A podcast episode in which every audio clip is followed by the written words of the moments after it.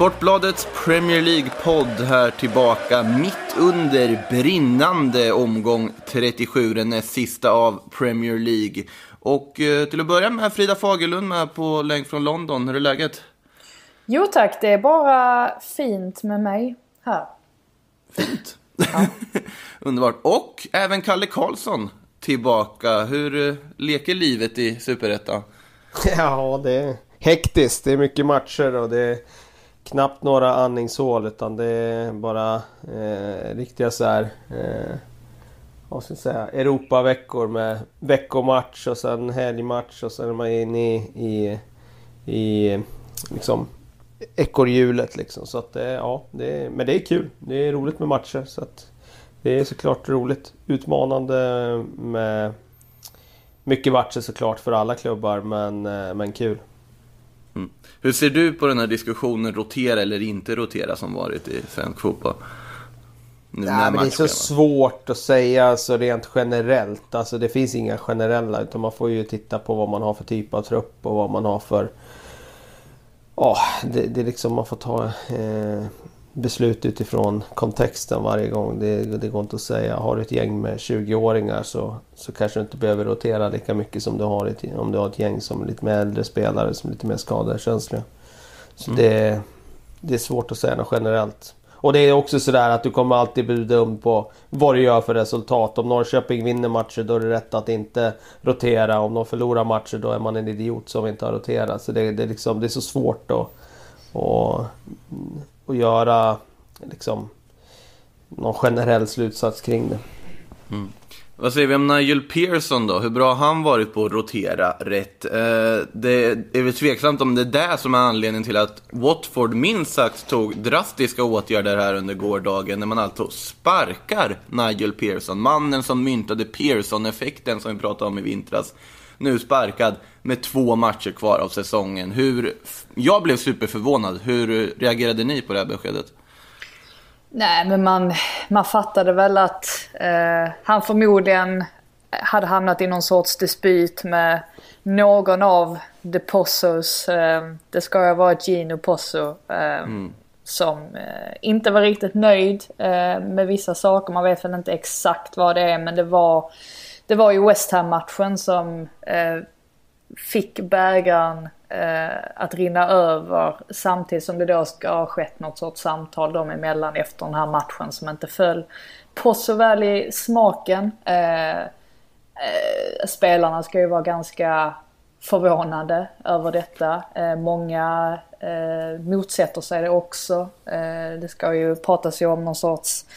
Alltså det är många spelare som liksom tittar nu efter en ny klubbadress efter säsongen och gärna vill lämna just på grund av att Watford har varit lite, eh, ja, ganska mycket kalabalik ändå de senaste åren. Herregud, de har ju haft liksom tre olika tränare nu, eller sparkar tre tränare under en och samma säsong. Det säger ju ganska så mycket. Eh, Pearson har ju fått mycket stöd i alla fall, får man säga. Eh, såg att han till och med gick ut här på Twitter nu för någon timme sedan och tackade så himla mycket för stödet. Eh, det är ju många supportrar som har sett vad han har gjort ändå. Att han eh, tog över Watford när det såg helt hopplöst ut. Och trots den här smällen då mot West Ham så har de ju fortfarande väldigt goda chanser att eh, klara sig kvar. Mm. Ja, han behöver ju inte skämmas för sin insats. Eh, han kommer ju att liksom lämna ändå med någon slags flagga i topp utifrån att eh, den situationen han tog över var ju nattsvart och att han överhuvudtaget gav dem chansen att klara kontraktet var ju nästan en framgång för de var ju uträknade under hösten. Eh, sen är det ju den där frågan om hur länge hans liksom, metoder funkar. Alltså det känns som en sån här, han blir beskriven som någon slags no nonsense tränare som går in och skriker och kör den hårda stilen. Och det kanske funkar att få en effekt kortsiktigt. Eh, hur långsiktigt är det? Det vet man inte. Den här insatsen nu mot West Ham var ju riktigt, riktigt, riktigt svag. Och det är ett läge när klubben krigar för kontrakt. Det var ju inte helt... Eh, jag kan ju förstå att de som tittade på det tänkte att eh, det här ser inte bra ut alls. Gå ut och spela så som de gjorde i första halvlek där. I en så viktig match. Det, det är klart, det, det gör inte saker enklare för, för Nigel Pearson och Craig Shakespeare. Men eh, så fast det är andra grejer också. Jag kollar lite på den här matchen. Han spelade Dokore till exempel defensiv mittfältare. Stoppar ju upp Dokore efter paus som offensiv mittfältare. Där han varit väldigt bra sen Watford mm. började spela bra. Eh, och då gör ju Dokore direkt en jättelöpning och, och skapar reduceringsmålet.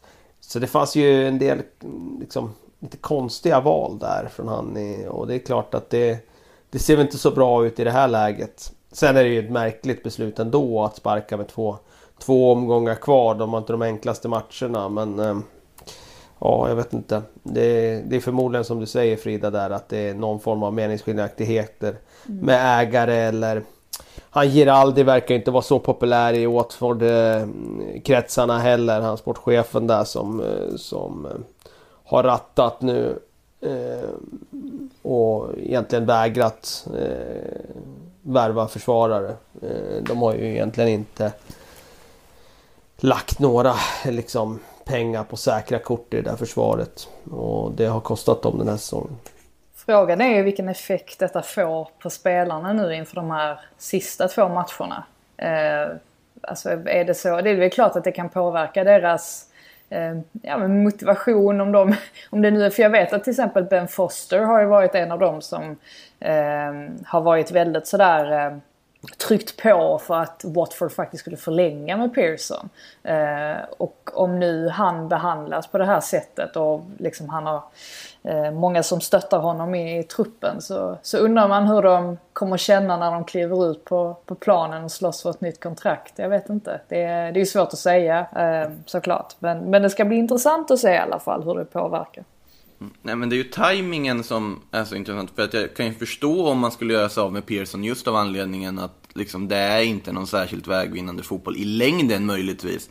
Att man skulle göra sig av honom efter säsongen och sen försöka bygga något i nästa.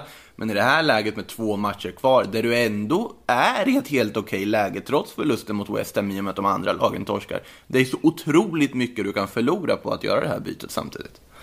Känns det ju som. För vem, ja. vem ska ta över liksom också? För att Nej, Shakespeare det... ryker ju också. Precis, Nej, det vet vi ju inte. Nu är Hayden Mullins, äh, gamla Premier League-spelaren som varit U23-tränare. Han har ju fått kliva in och igen mm. då och vara caretaker. Och eh, Graham Stack. Eh, precis och jag vet inte eh, om de har liksom har någon i rockärmen som de kan kasta fram bara sådär för två matcher. Eh, men det, det kommer ju visa sig. Det, sen kommer blir säkert någon spanjor. ja, vi får Vilken se vad spanjor de hittar. tänker jag då? Vi får se vad de hittar. Men det är också så här.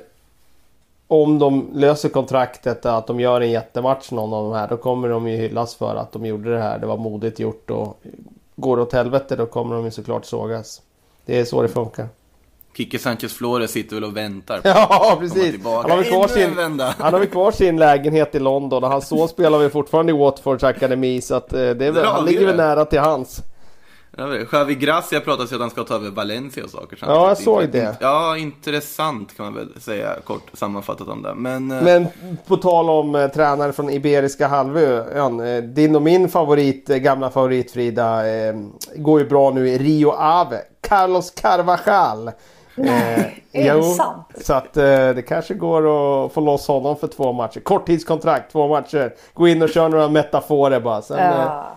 Han är, han är en stor... Jag saknar honom varje dag höll jag på att säga. Nej jag, jag har inte ens tänkt på honom på länge. Men eh, han var Man saknar hans metaforer? Ja det gör man. Absolut. Martin Olsson saknar nog också dem. Tror jag. Det gör han nog. Äh, som sagt, alltså, vi får se vem, eh, vem från den Iberiska halvan eller vem annars de Watford hittar här nu. Vi var ju inne lite på West Ham Watford där. Kanske kan säga några ord om West Ham också från den här ångestmatchen i fredags. Det ändå, alltså, man måste väl ändå ge dem cred för det här sättet man ändå har tagit sig an de här sista matcherna och fått med sig tunga segrar. Verkligen. Eh, Michael Antonio har eh, sprattlat till liv eh, och det var ju extremt att han gjorde fyra mål där men eh, var ju Eh, på hugget även i den här matchen. Eh, satte 1-0 målet och ja, det är, det, är, det är bara gratulera till en väldigt fin säsongsavslutning. Klarat kontrakt, kanske kan börja bygga igen. Eh, blir nya förväntningar på den här klubben. Jag tror inte David Moyes är den långsiktiga lösningen så att de är liksom tillbaka någonstans på ja, ruta ett igen men de är i alla fall kvar och det, det var det viktigaste för deras del. Tänk att, eh, tänk att Antonio har gjort lika många mål som Troy Deeney den här säsongen. På x antal färre matcher ska ju tilläggas. Han har ju gjort sju mm. mål eh, sen omstarten. Det är rätt imponerande ändå. Mm. Är det någon som har gjort så många sen omstarten? Nej, ja, det måste, ja, men det måste vara no Ja, sen omstarten ja. Nej, det, det är Nej. inte Det är ganska många sen omstarten. Antonio till landslaget då, ska vi dra den, den, den, den lansen? Eh, nej, kanske inte. Men eh, West Ham, alltså de kan väl, ja det är väl knappt att de kan knocka ur teoretiskt någon mer va? Nej, nej, de är klara. De, de är, de, de är, är klara. Ja. Eh, så det ser bra ut för West Ham med andra ord. Eh, annars ska vi vidare till FA-cupen då, för det är faktiskt det som har spelat här också nu under helgen. Därav att vi har en liksom uppdelad omgång där vi, vi är mitt inne i den brinnande näst sista omgången här och nu när vi pratar. För det har ju varit fa Cup semifinaler, intressanta sådana här under helgen. Vi kan börja med den senaste, United-Chelsea.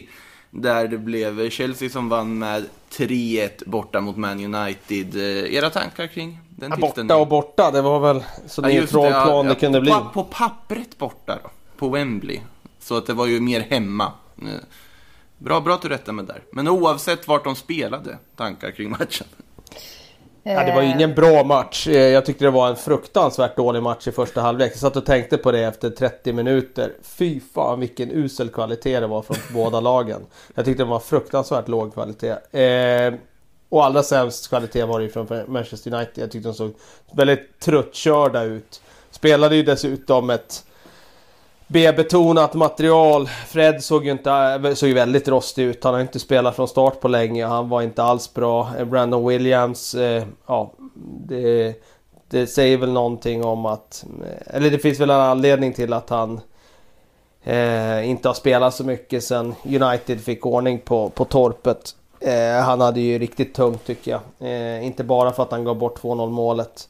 Utan även ja, efter det också tycker jag han hade var väldigt slarvig i passningarna och nej.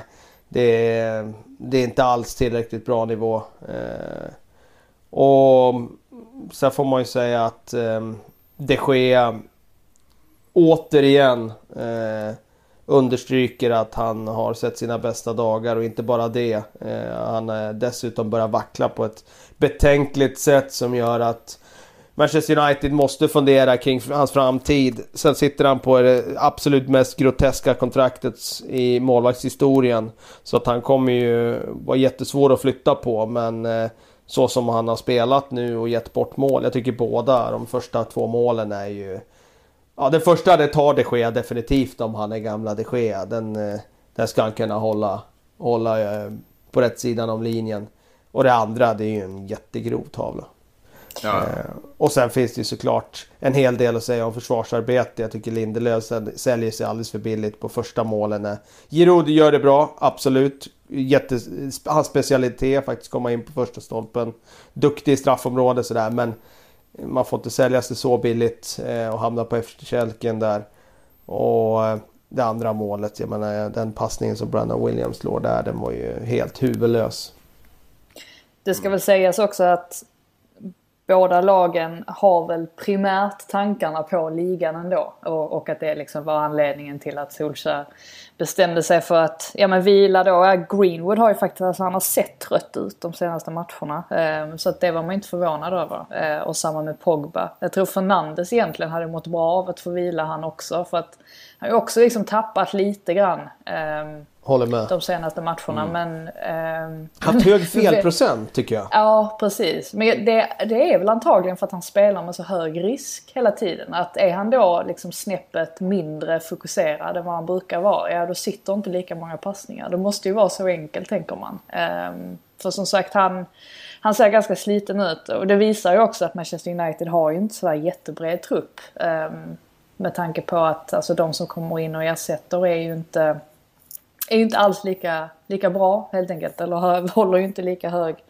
kvalitet. Ehm, men för Chelseas del så, alltså söndagen hade ju inte kunnat bli bättre egentligen om man tänker på det. Ehm, just det här att de trots segern mot Norwich har varit väldigt pressade. Ehm, vinner bara så att säga med 1-0 över Norwich. Eh, liksom hade den horribla matchen då dessförinnan mot Sheffield United.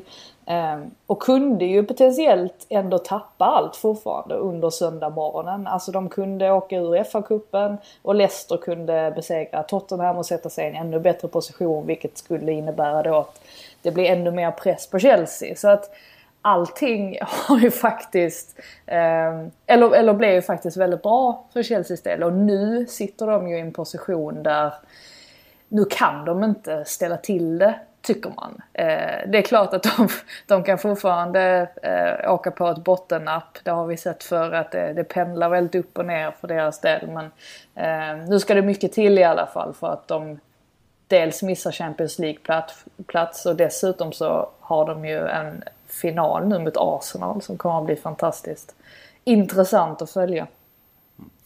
Det är ju ganska bra timing på det här med att de, ja, de har inte säkrat Champions League, men nu ska det ju mycket till för att de missar Champions League, om vi säger så.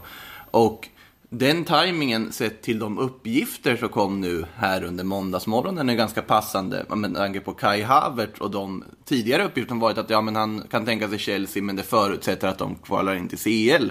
Och nu kommer det ju trovärdiga uppgifter både från The Guardian och från The Athletic och så vidare om att Havertz ändå, ja men jag vill till Chelsea. Och att det är lite upp till Chelsea att plocka fram pengarna som krävs för honom. Eller hur tolkar ni de uppgifter som dykt upp här under morgonen? Ja, nej, men så, det stämmer nog eh, så som du beskriver det. Eh, så de vill ju nog bara vänta bekräftelse på att de säkrar den här Champions League-biljetten och sen kan de säkert sätta lite hjul i rullning där.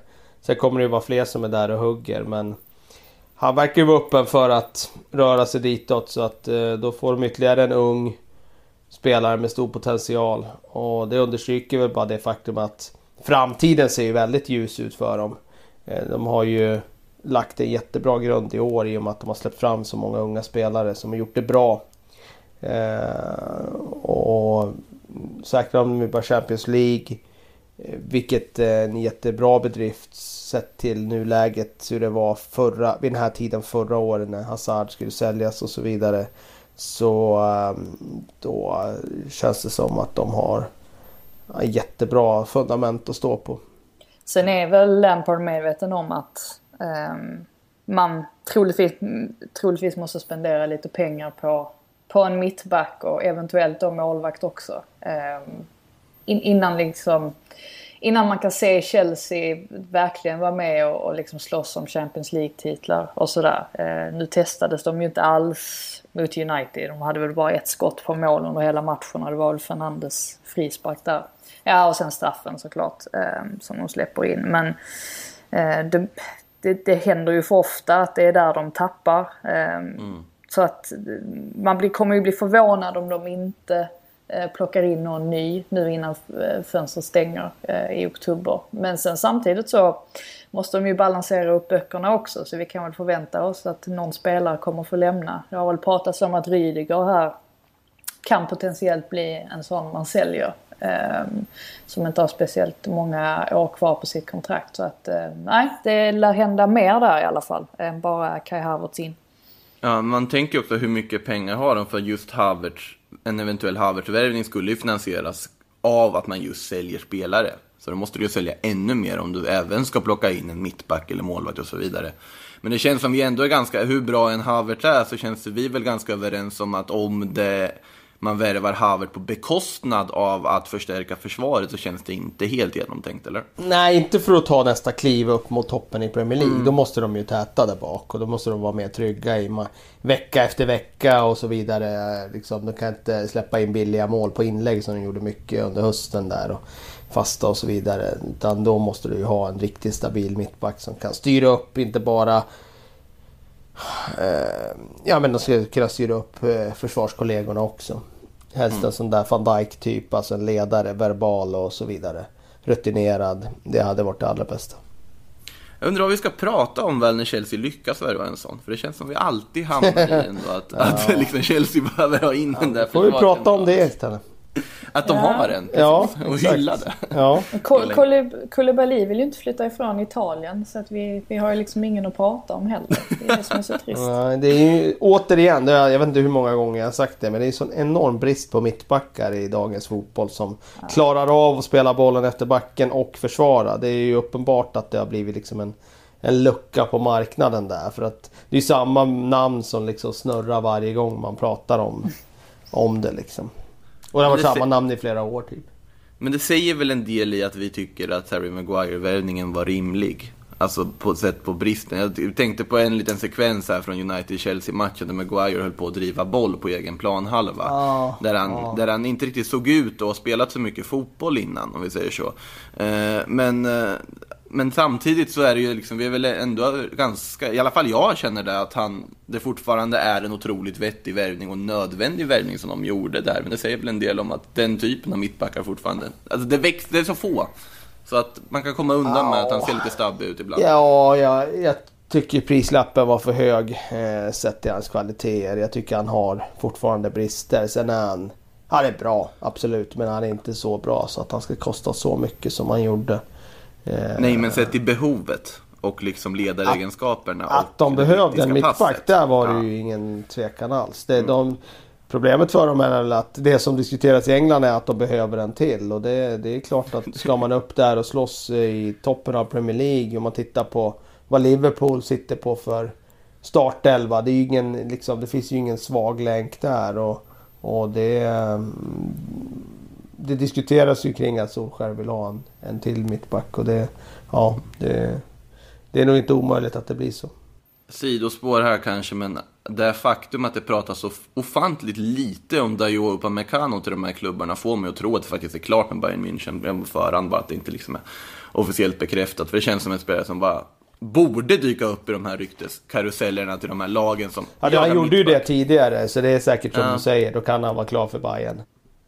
Det återstår att se. Vi kommer till det i något avsnitt av Silly-podden framöver. Eh, på tal om andra lag som jagar mittbackar så gör väl Arsenal och City, båda två faktiskt, den här sommaren.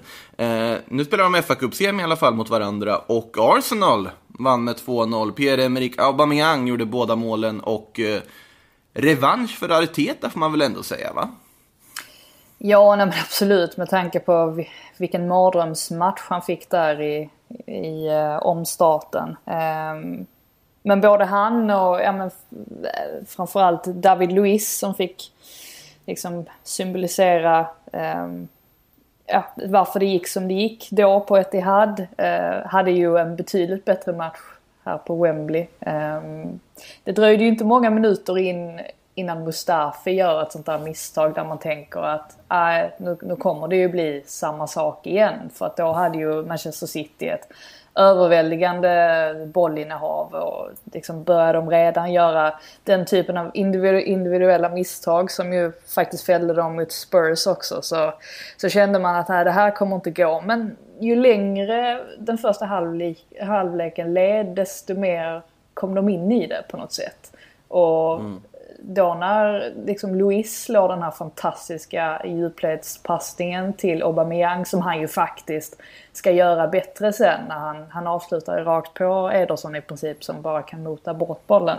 Eh, då, då kändes det som att det, det, det hade vänt lite grann. Eh, och så får han ju chansen där att till revansch eh, bara någon minut senare och sätter 1-0. Och, eh, jag förstår varför Arteta var nöjd för att hela det anfallet var ju det, var ju väldigt mycket Pep Guardiola på något sätt. Eh, totalt 18 passningar. Eh, samtliga 10 utespelare, eller 10 spelare eh, rörde bollen eh, på vägen fram till att Aubameyang eh, lägger in den. Pepe var det väl som spelade fram.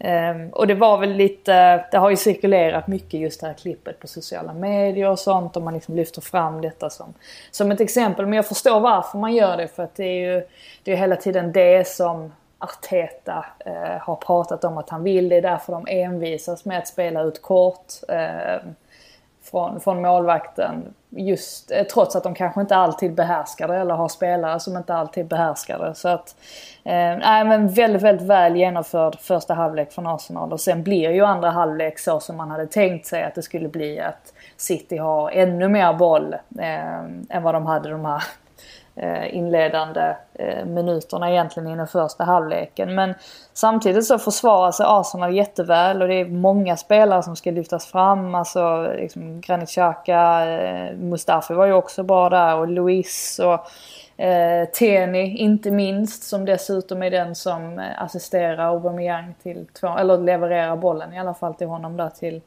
2-0 målet sen. Det är många som, många som gjorde väldigt bra insatser Ehm, och City har ju trots allt bara ett enda avslut på mål under hela matchen. Ehm, så det säger ju också en del om att eh, ja, men där, de, de har sina problem så att säga samtidigt som Arsenal då gör en väldigt, väldigt bra kollektiv insats. Vi har ju pratat om tidigare här liksom att Arsenal är på gång. Sen så fick de här förlusten mot eh, Tottenham och sen, sen seger mot Liverpool, seger mot City. Ska vi ta det igen att Arsenal verkligen är på gång? Liksom, eller det var vi inne på även om de förlorade mot Tottenham i och för sig. Ja, ja, ja jag vet inte. Jag, ja, jag kanske låter för negativ men Liverpool har ju inte känts sådär jätte...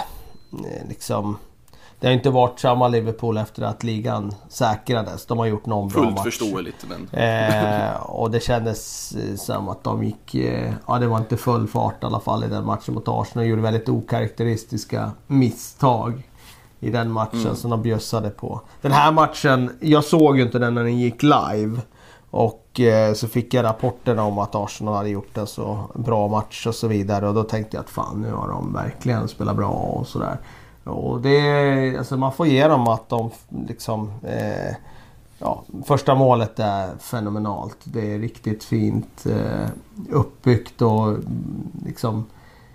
Att man tror på det fortfarande efter att eh, Mustafi ger bort den där första bollen där i eget straffområde. Det, det säger någonting om att det finns en grundtrygghet i att man tror på idén och vågar göra det fullt ut. Och det tycker jag är väldigt lovande. Men sen hela andra halvlek så så är det ju en kanonad. Och ja, de träffade inte mål men de hade ju massor av lägen där de borde ha träffat mål. Och bollen studsar runt eh, fötterna där i målområdet och de strök stolpen och så vidare. Så jag, ah, jag skulle säga att det var inte en så övertygande insats som jag eh, trodde efter att ha sett rapporterna. Eh, City mördar dem i andra halvlek av det jag sett. Jag har inte sett sista kvarten av matchen men jag såg fram till 75 minuten där. När de precis har gjort 2-0 målet. Och det är ganska många lägen där, där City normalt sett gör mål. Det som är fascinerande är ju just det här att liksom Arteta börjar få de här spelarna som man har kritiserat så mycket under hela säsongen att faktiskt liksom visa tendenser till att göra det här. Sen sa ju han själv också att eh, sen gäller det att man ska kunna spela på det sättet som de gjorde eh, stora delar av den första halvleken. Att de ska kunna göra det under 90 minuter och det är ju en helt annan sak. Eh, och han var ju ute tidigare i veckan också vädrade sitt missnöje lite grann med att, Eh, eller missnöje, men att han helt enkelt vill, vill ha mer resurser för att det här projektet ska kunna ta sig framåt. Och skulle det vara så att de vinner FA-cupen nu eh, och får den här Europaplatsen så kommer ju den vara väldigt vital säkert för hur mycket pengar de kommer kunna spendera här eh, under sommaren.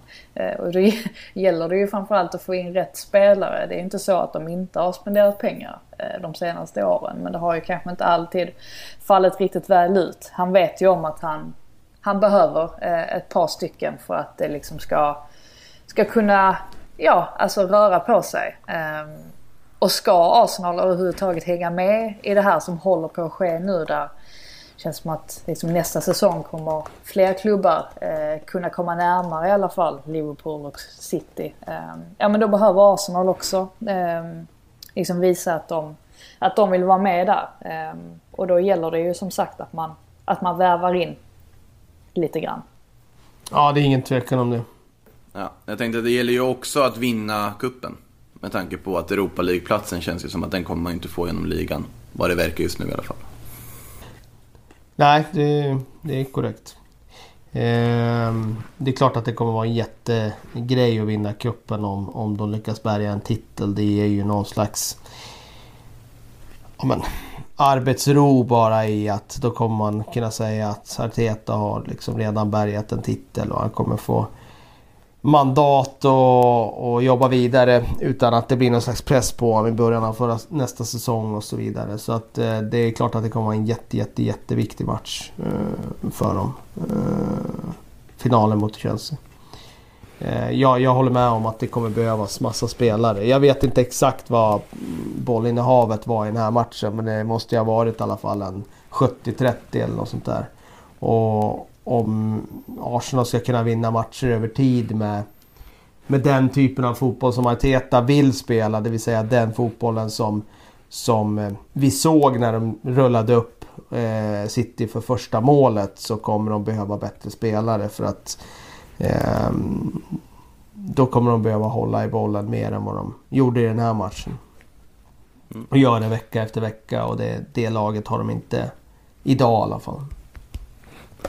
Uh, vidare från där. Arsenal-Chelsea alltså i uh, fa Cup-final på Wembley. Inget hemmalag, eller båda hemmalag för det är London. Första augusti är det som gäller för det. Uh, det har ju varit lite Premier League-matcher här i helgen också. Kanske den mest anmärkningsvärda av dem var ju Tottenhams ja, övertygande seger här hemma mot Leicester med 3-0. Dubbel från Harry Kane bland annat.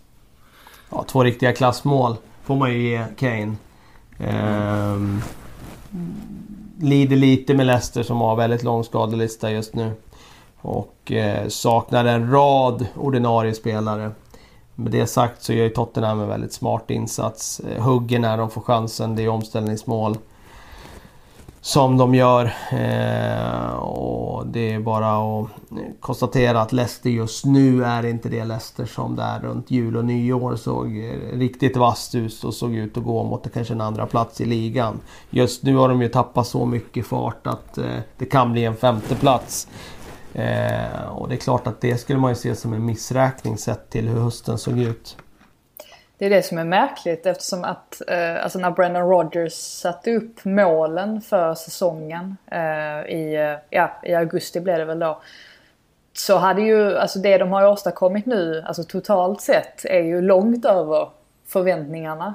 Samtidigt så är det precis som du säger att det kommer ju ses som ett litet misslyckande ändå att man lyckades, att man, att man hade det försprånget man hade kring jul, nyår och sen så har man liksom har man bara tappat alltihopa. Ehm, och jag vet att vi nämnde det förra veckan men det är ju ännu fler röster nu som höjs kring Brendan Rodgers och ännu mer tvivel från supportrar som undrar liksom hur kan han inte vistas andra skador och sådär på, på eh, ett flertal nyckelspelare. Men man har saknat um, saknat självförtroende lite grann i truppen. Och självförtroende var det ju, hade de ju överflöd i höstas. Så att eh, det, det, är en märklig trend eh, som de liksom har, har hamnat i eh, på något sätt. Eh, så vi får se hur det slutar där och hur det går. Framförallt där i sista matchen blir ju högintressant mellan Leicester och United där, herregud. Mm. Eh, det känns ju som en final på något sätt. Eh, så att det blir, det blir spännande. Sen vad gäller eh, Harry Kane så, så får man ju, Mourinho var ju lite sur där efter att, var det Möson som sa att Harry Kane aldrig kommer kunna göra mål på samma sätt under, under Mourinho. Ja, nu har han, gjort, han har gjort 13 mål på 18 matcher nu under Mourinho. Ja. Det, är inte, det är inte helt det är inte helt värdelöst. Nej. Det är väl ganska bra till och med. Ja, det är väl inte riktigt så många som man brukade göra när han var som bäst. Men det är ändå en, en, en bra statistik är det ju. Mm. Eh, och det är klart, Mourinho är väl inte sen att framhålla den. Nej, det tror jag inte. har, ni, har ni förresten sett det här lilla uh, klippet från kommande Spurs-dokumentären som har florerat lite på Twitter? Där när Mourinho har lagmöte. Ja, uh, ja. Utan att, utan att kanske citera den i, en, i vår podd här så var det ju intressant i alla fall samtal som man hade med sina spelare där om att de måste vara lite grisigare på plan om man ska uttrycka det väldigt milt. Tough eh, love. Ja, lite så. Eh, men vi får se, det måste väl ändå sägas här nu, Tottenham, den här tabellen är ju oerhört haltande i talande stund. Men uppe på sjätte plats nu och ganska bra formtrend på Tottenham också. Det känns ju ändå som att den här Europaplatsen kommer man ju kunna lösa, eller? Ja, det bör man kunna göra. Det tycker mm. jag nog. Um, dessutom har de ju, vem har de? Det är Pallas i nästa? Tror jag. Ja, uh, det, det ska ju vara tre poäng om inte Crystal Palace känns ganska så... från semestern. Ja precis, Pallas är ju helt av det. Uh, har ja. faktiskt uh, gjort helt okej okay insatser Alltså jag tycker inte de har varit så bedrövliga som Ehm, som statistiken visar. Men eh, de fortsätter förlora matcher och har ingen som helst anledning egentligen till att vinna en. Eh, förutom möjligtvis då några, någon eh, skillnad där i, i pris, eller prispengar, men mm. i platspengar. Ehm, så att det, det, ska väl vara tre poäng tycker man. Men man vet aldrig med Tottenham, det, så är det. Mm. Eh, Vidare då till nästa tillställning. Ett lag som dock inte tog tre poäng de behövde, det var ju Bournemouth. Eh, 0-2 hemma mot Southampton. Ett eh, fortsatt väldigt fint Southampton här efter uppehållet ska tilläggas. Eh, men Bournemouth, det där var väl ändå Premier League-tåget som eh, bestämde sig för att stänga dörrarna och åka iväg väl? För att det känns som det. väldigt svårt att se att de fixar det här. Det känns som det. Eh, det var väl lite känslan. Nu har de ju faktiskt, om man tittar offensivt från mittfält och framåt, så har de ju ändå hyfsat ordinarie spelare nu på banan. Eh, och jag tycker att, återigen, alltså, det, det ser okej okay ut men de har inte den där edgen den här säsongen. De känns ihåliga bakåt, släpper in billiga mål. Eh, jag tror eh, faktiskt efter att ha sett dem den här matchen, eh, titta lite grann på den, så tror jag att det finns någonting i det som du var inne på tidigare Frida, som jag inte visste då liksom med det som det har viskats om där om att att Eddie Howe inte har lika stort förtroende längre. Att han har tappat någon slags eh, säga, band till spelartruppen. Alltså att budskapet går inte in längre på samma sätt. För att när jag ser dem spela så tycker jag inte det finns något, det finns inget spelmässigt i liksom taktiskt som, det är inte där skon klämmer utan det är bara det att de har inte de där sista procenten längre och har man inte det då, då, då, då är det skillnaden på om man vinner eller förlorar matcherna. Liksom. Och ehm, eh, Det var så uppenbart nu, jag menar titta på SA-15. De har ju ett sämre lag om du frågar mig. Eh, om du tittar på startelvan än vad, vad Bournemouth har. Men eh, där är det bara att lyfta på hatten för Hasenhüttel för att de har ju eh, i min värld överträffat förväntningarna rejält. I alla fall sett till typ tabellplacering. Sen är det inte så många poäng kanske. Nu är de på säker mark så men de har varit inblandade i nedflyttningsstriden såklart under hela säsongen. Men, men jag tycker att eh, sett till placering så är det ju långt över förväntningarna. Tyckte en, en, eh, alltså någonting som var väldigt signifikant också eh, var ju just det att ja, men Ings gör ytterligare ett mål i den här matchen. Det är ju det också som Bournemouth har saknat. Alltså en striker som verkligen har har levererat och varit liksom, eh, och, och bidragit med de målen som man faktiskt behöver. Eh, samtidigt som då vissa spelare inte alls har levererat på det sättet som man hade förväntat sig. Som Solanke som man ändå investerade en hel del i. Eh, det har ju inte fallit, fallit ut riktigt som man hade tänkt sig. Så att det, nej, det, det mesta har gått emot Bournemouth. Jag tänkte på det också, alltså en, en bild om man tar liksom totalt sett från hela säsongen som jag tycker symboliserar deras säsong också. Det var väl när Cook var det väl som tog, eh, tog med handen där ja. på något med, ja, för i, men var i januari kanske eller någonting sånt. Um, att det på något sätt symboliserar hela det här hjärnsläppet som det har, alltså otroligt, ja men att de bara har haft, de har inte haft huvudet där riktigt med sig. Um, ända från start och har haft väldigt svårt att liksom eh, fokusera ordentligt. Ehm, för att det här är ju bra spelare egentligen på pappret. Alltså det är ju det, är det som är ehm, det är ju det som är lite konstigt men det är väl så ibland att eh, en sak fungerar eh, till en viss längd och Eddie Howe har ju varit där massvis med år nu. Mm. Eh, ser alltid mörkt ut för Bournemouth här och det är ju målskillnad man på något sätt kan rädda sig på fortfarande. Men då krävs det ju seger i avslutningen borta mot Everton samtidigt som då Watford torskar ja, resterande matcher och Aston Villa även de torskar. Eh, så att det ser ju inte ljust ut med andra ord för Eddie House Bournemouth som då sannolikt åker ur. Eh, några som redan har åkt ur, det är ju Norwich.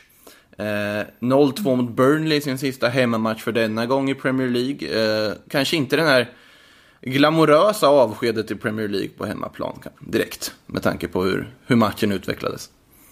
Eh, nej, det kan man inte direkt påstå. Eh, otroligt hårt eh, ändå. Alltså jag tycker ändå att Norwich, i alla fall under hösten, bidrog med en hel del till Premier League och de var roliga att se på. Besegrade ju City, eh, inte minst. Um, och sen har det i princip bara gått ut för sen dess eh, i den här matchen så Dels det här att man får två röda kort under första halvlek. Ehm, rätt intressanta röda kort egentligen för att Buendias utvisning, hade det inte varit för VAR så hade han nog inte fått den. Ehm, för jag antar att Kevin Friend var det väl som dömde matchen. Jag antar att han missade situationen. Ehm, det kan man tycka vad man vill om. Alltså det är idiotiskt av Buendia att sätta upp armbågen sådär i, i nacken. Alltså man ser ju att det säkert är en del frustration hos honom som gör att han liksom, sen är det nog inte så att det är ingen kraftfull armbåge heller så att det är inte som att eh, det är någon fara för spelaren på det sättet. Men det är en, det är en dum aktion och ja, man, man, kan väl köpa det där röda kortet ändå på något sätt. Eh, nästa där från Dirmic är ju desto mer klar. Det är ju en fullständig, det är ju liksom sula och eh, liksom, han kan ju eh, riskera ju att skada spelaren ordentligt med den typen av, av glidtacklingar.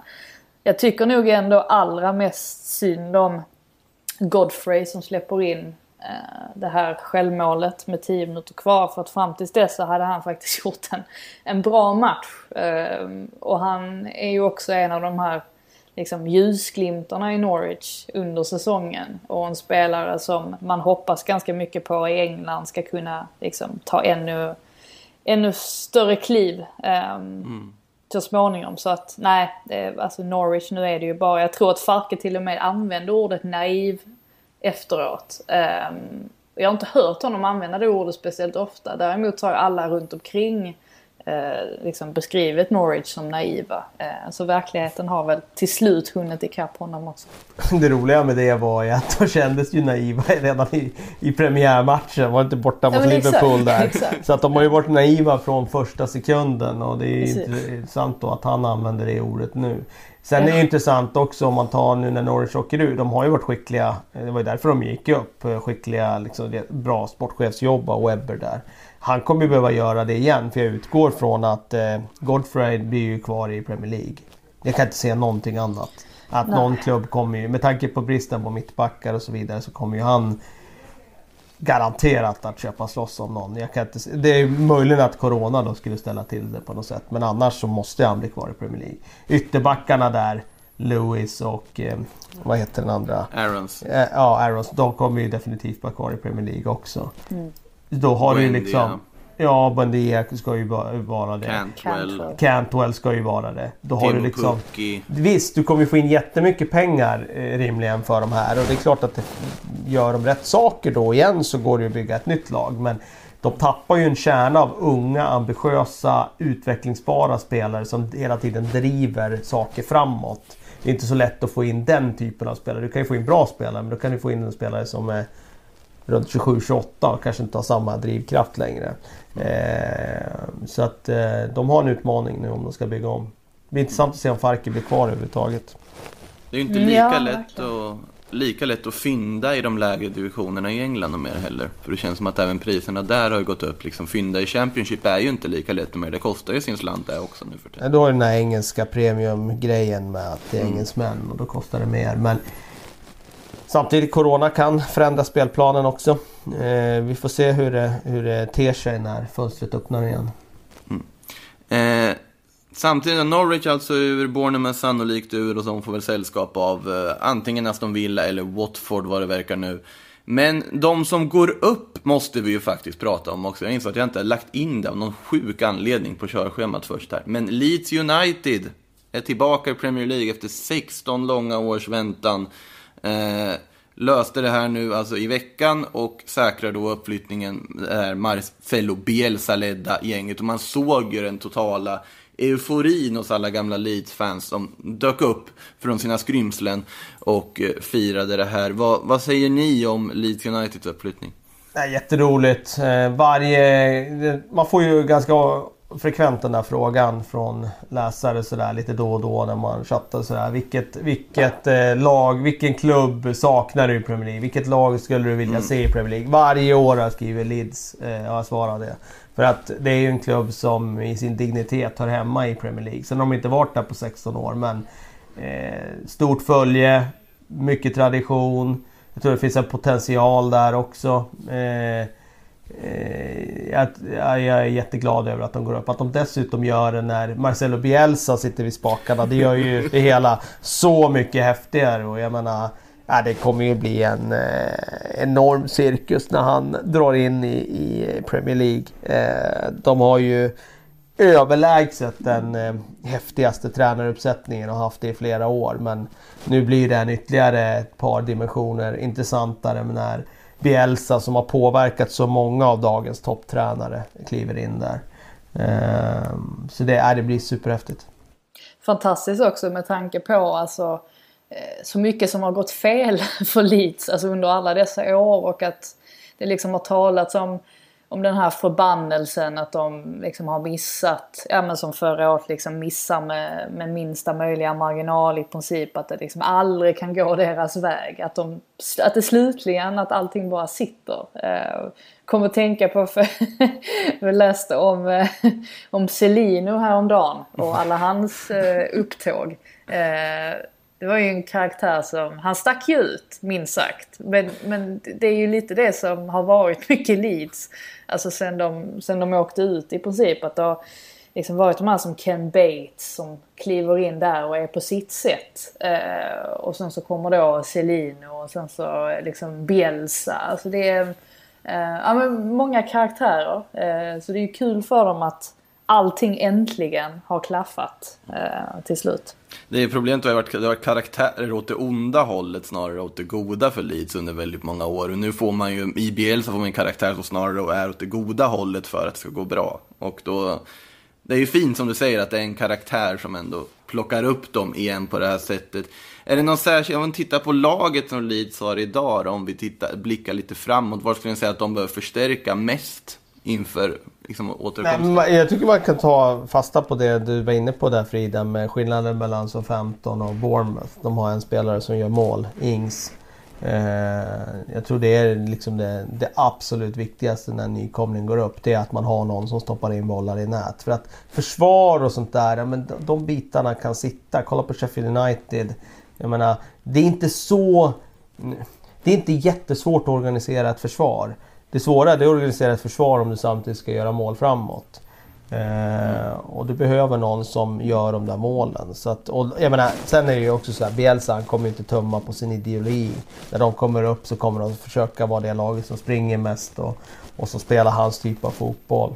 Och då kommer det ännu viktigare att ha spelare där framme som har den där X-faktorn och, och avslutar anfallen och att sätta dit den. Kolla när Kane gör de där två avsluten som han gör, sitter inte i stolpen. Ja men då, det är det som gör skillnad i matcherna liksom. Mm.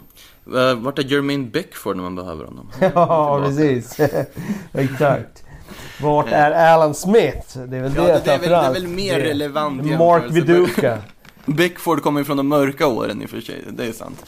Eh, men oavsett, otroligt kul. Kul, kul se Pablo Hernandez i Premier League också kan jag tycka. Det är en sån här spelare som var fantastisk i Spanien och sen fått någon sorts renässans borta i, i Championship där under Bielsa. Och så hoppas att han hänger med upp med Leeds. Så stort grattis till dem får vi säga. Ska väl nämnas också, när vi ändå är inne på Championship, var ganska nära att Brentford gjorde de sällskap upp också. Ja, nej, men det går ju väldigt bra för detta. Man får väl ändå kalla dem för... Eh, Svensk ja, klubb? Skan, ja, eller skandinavisk i alla fall. Ja. De har ju fler danska spelare än engelska. Eh, för det första. Eh, och eh, sköter all sitt taktiksnack på danska. Det är också... Ja, det är sjukt. Det är ja, fascinerande. Eh, men, men, det är ju smart. Eh, så, så säger de så får liksom de andra översätta. Det är tur att eh, Pontus Jansson kommer från Malmötrakten ja, så att han är, han är van vid... Och Georgsson också. Ja precis. Ja, just det. um, Nej, det vore förstås, jag hade tyckt att det vore jätteroligt om Brentford hade gått upp till Premier League. Inte minst för att det blir ännu en Londonklubb som eh, eh, ah. går upp. Men Fulham ligger ju också och lurar där och de har inte riktigt gett upp hoppet om en eh, direkt kvalificering de heller. De var två poäng efter West Brom där på andra platsen Så att det, det är otroligt tätt mellan just de lagen. Sen är det ju ett hopp ner där till Nottingham och Cardiff. Så att nej, Championship lever som vanligt. Mm. Eh, om vi ska blicka framåt mot Premier League-matcherna som stundar här. Nu när vi spelar in så har vi ju lite måndagsmatcher att se fram emot ikväll. Brighton, Newcastle, Sheffield United, Everton och Wolves, Crystal Palace. Watford mot City och Aston Villa mot Arsenal. Viktiga matcher i bottenstriden på tisdag. Och onsdag Manchester United, West Ham och Liverpool, Chelsea. Någon av de matcherna ni kommer att garanterat knappa in? Ja, nej men det var så... Allt höll jag på att säga. Ja, jag vet att du uh... kommer titta på allt, men om du bara fick välja en Frida? Ja, alltså då, kanske den jag egentligen väljer bort är ju Brighton Newcastle, för där känns det ju som att det är ganska så... Um, ja, ja, ganska, ganska så dött. Um, men i övrigt så alla matcher gäller ju någonting här. Uh, om det så handlar om Europaplats eller om det handlar om att försöka rädda sig kvar uh, mm. i, i, ligan. Så att um, alla är egentligen intressanta på, på sitt sätt. Precis. Känner du Kalle? Nej, jag knappar inte in någon match alls ikväll för jag åker till Grimsta och möter Akropolis. Så att för min del är jag upptagen där. Däremot eh, imorgon kväll där så är det klart att Aston Villa-Arsenal är en intressant match. Watford eh, Manchester City också såklart med Watfords djupdykning och kanske en ny tränare på, på, eh, ja, som sitter där och, och, och rattar. Eh, så äh, det är många intressanta matcher. Jag ser ju onsdagen kommer ju där också med Manchester United och sen Liverpool-Chelsea dessutom. Så nej, det, det blev ju... Det, det, det, är många intressanta matcher och det, det är klart, det är många som slåss där nere i botten. Så det är klart att det, det kommer vara blytunga poäng på spel. Jag mm. tänkte man får flika in här också. På morgonen här har det ju bekräftats en värvning här. Med, nästan as we speaking. Och det är ju att han, Jude Bellingham är klar nu för mm. Dortmund. Mm.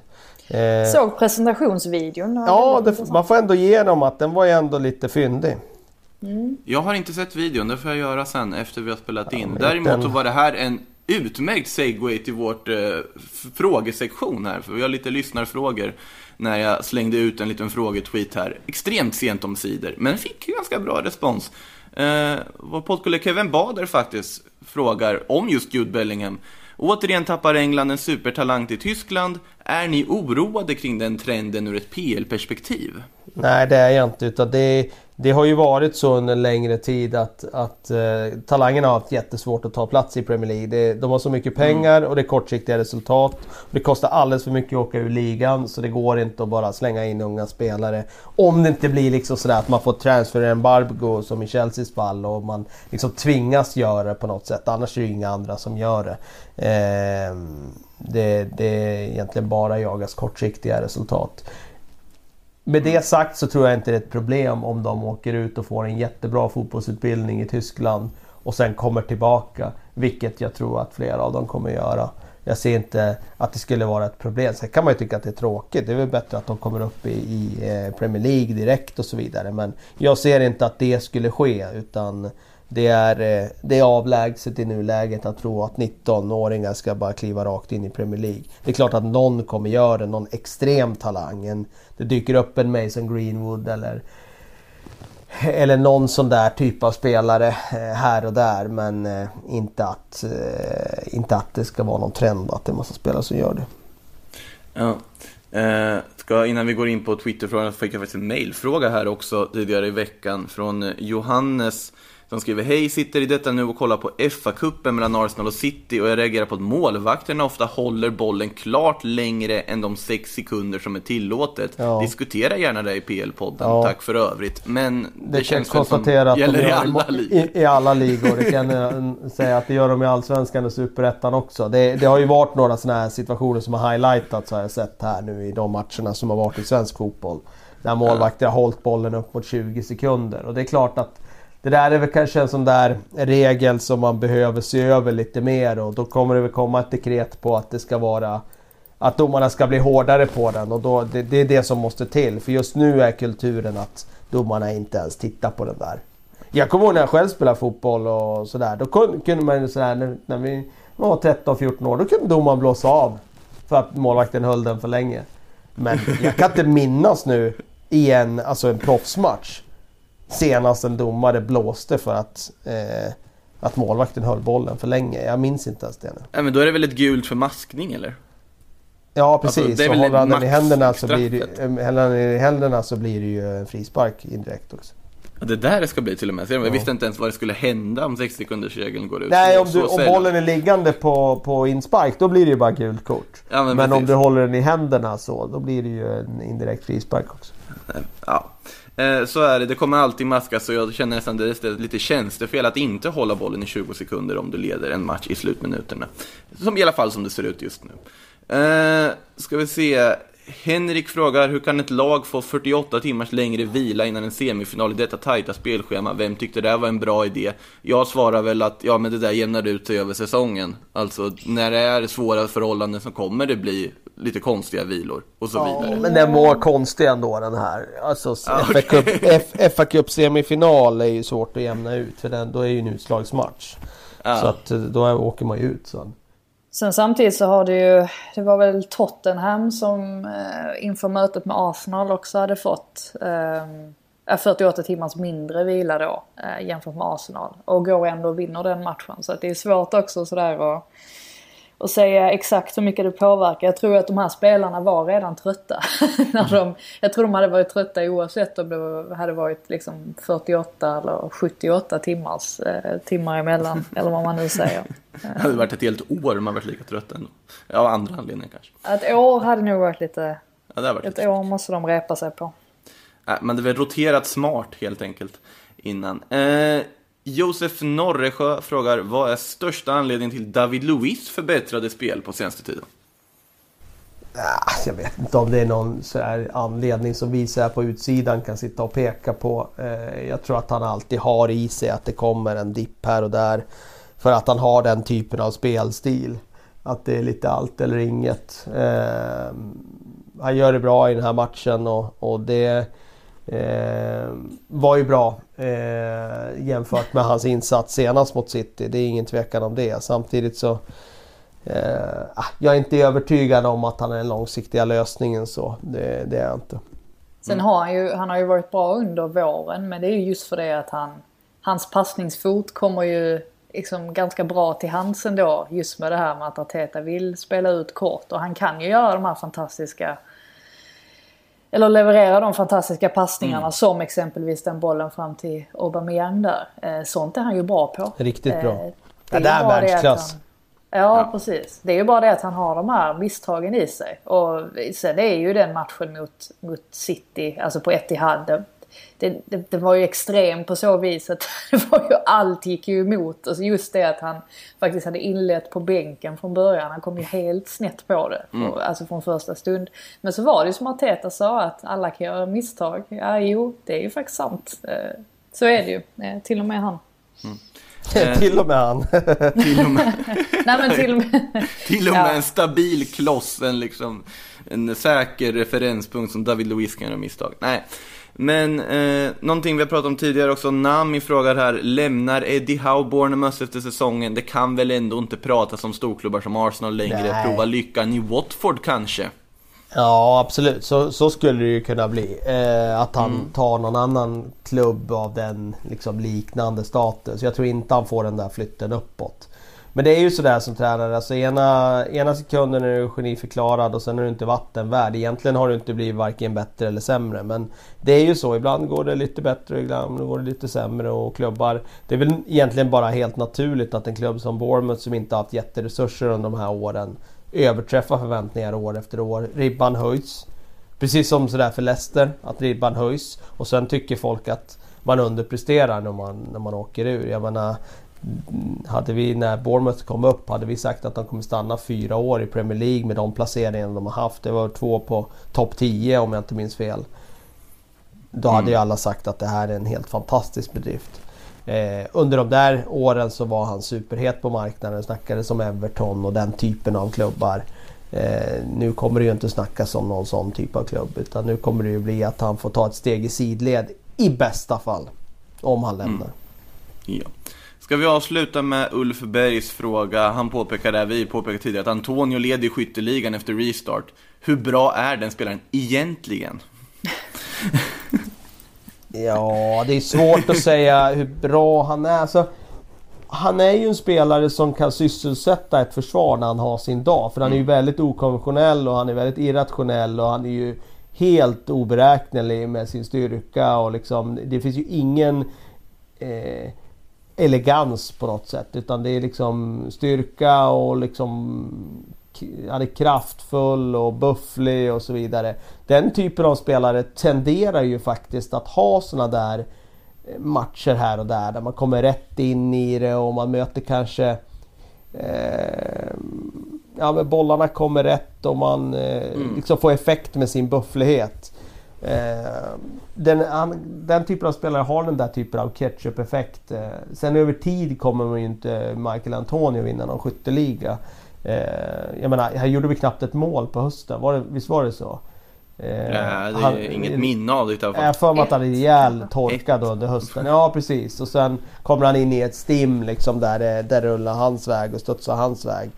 Hur bra är han? Ja, han är ju en väldigt nyttig spelare för West Ham United men han är ju inte en spelare som som jag tror att någon annan klubb kommer att titta på och värva för. Så pass bra är han inte. Ja, vi får väl se hur många mål Antonio gör här i ja, den sista matchen. Det är inte många kvar nu, eller två matcher kvar för West Hams del. Eh, med det sagt, så det var nog det allt vi hann med denna måndag. Mer Premier League-matcher väntar här nu. Vi är tillbaka inom snar framtid också. Och till er alla som har lyssnat, ha en fortsatt trevlig vecka och ses snart. Hej då!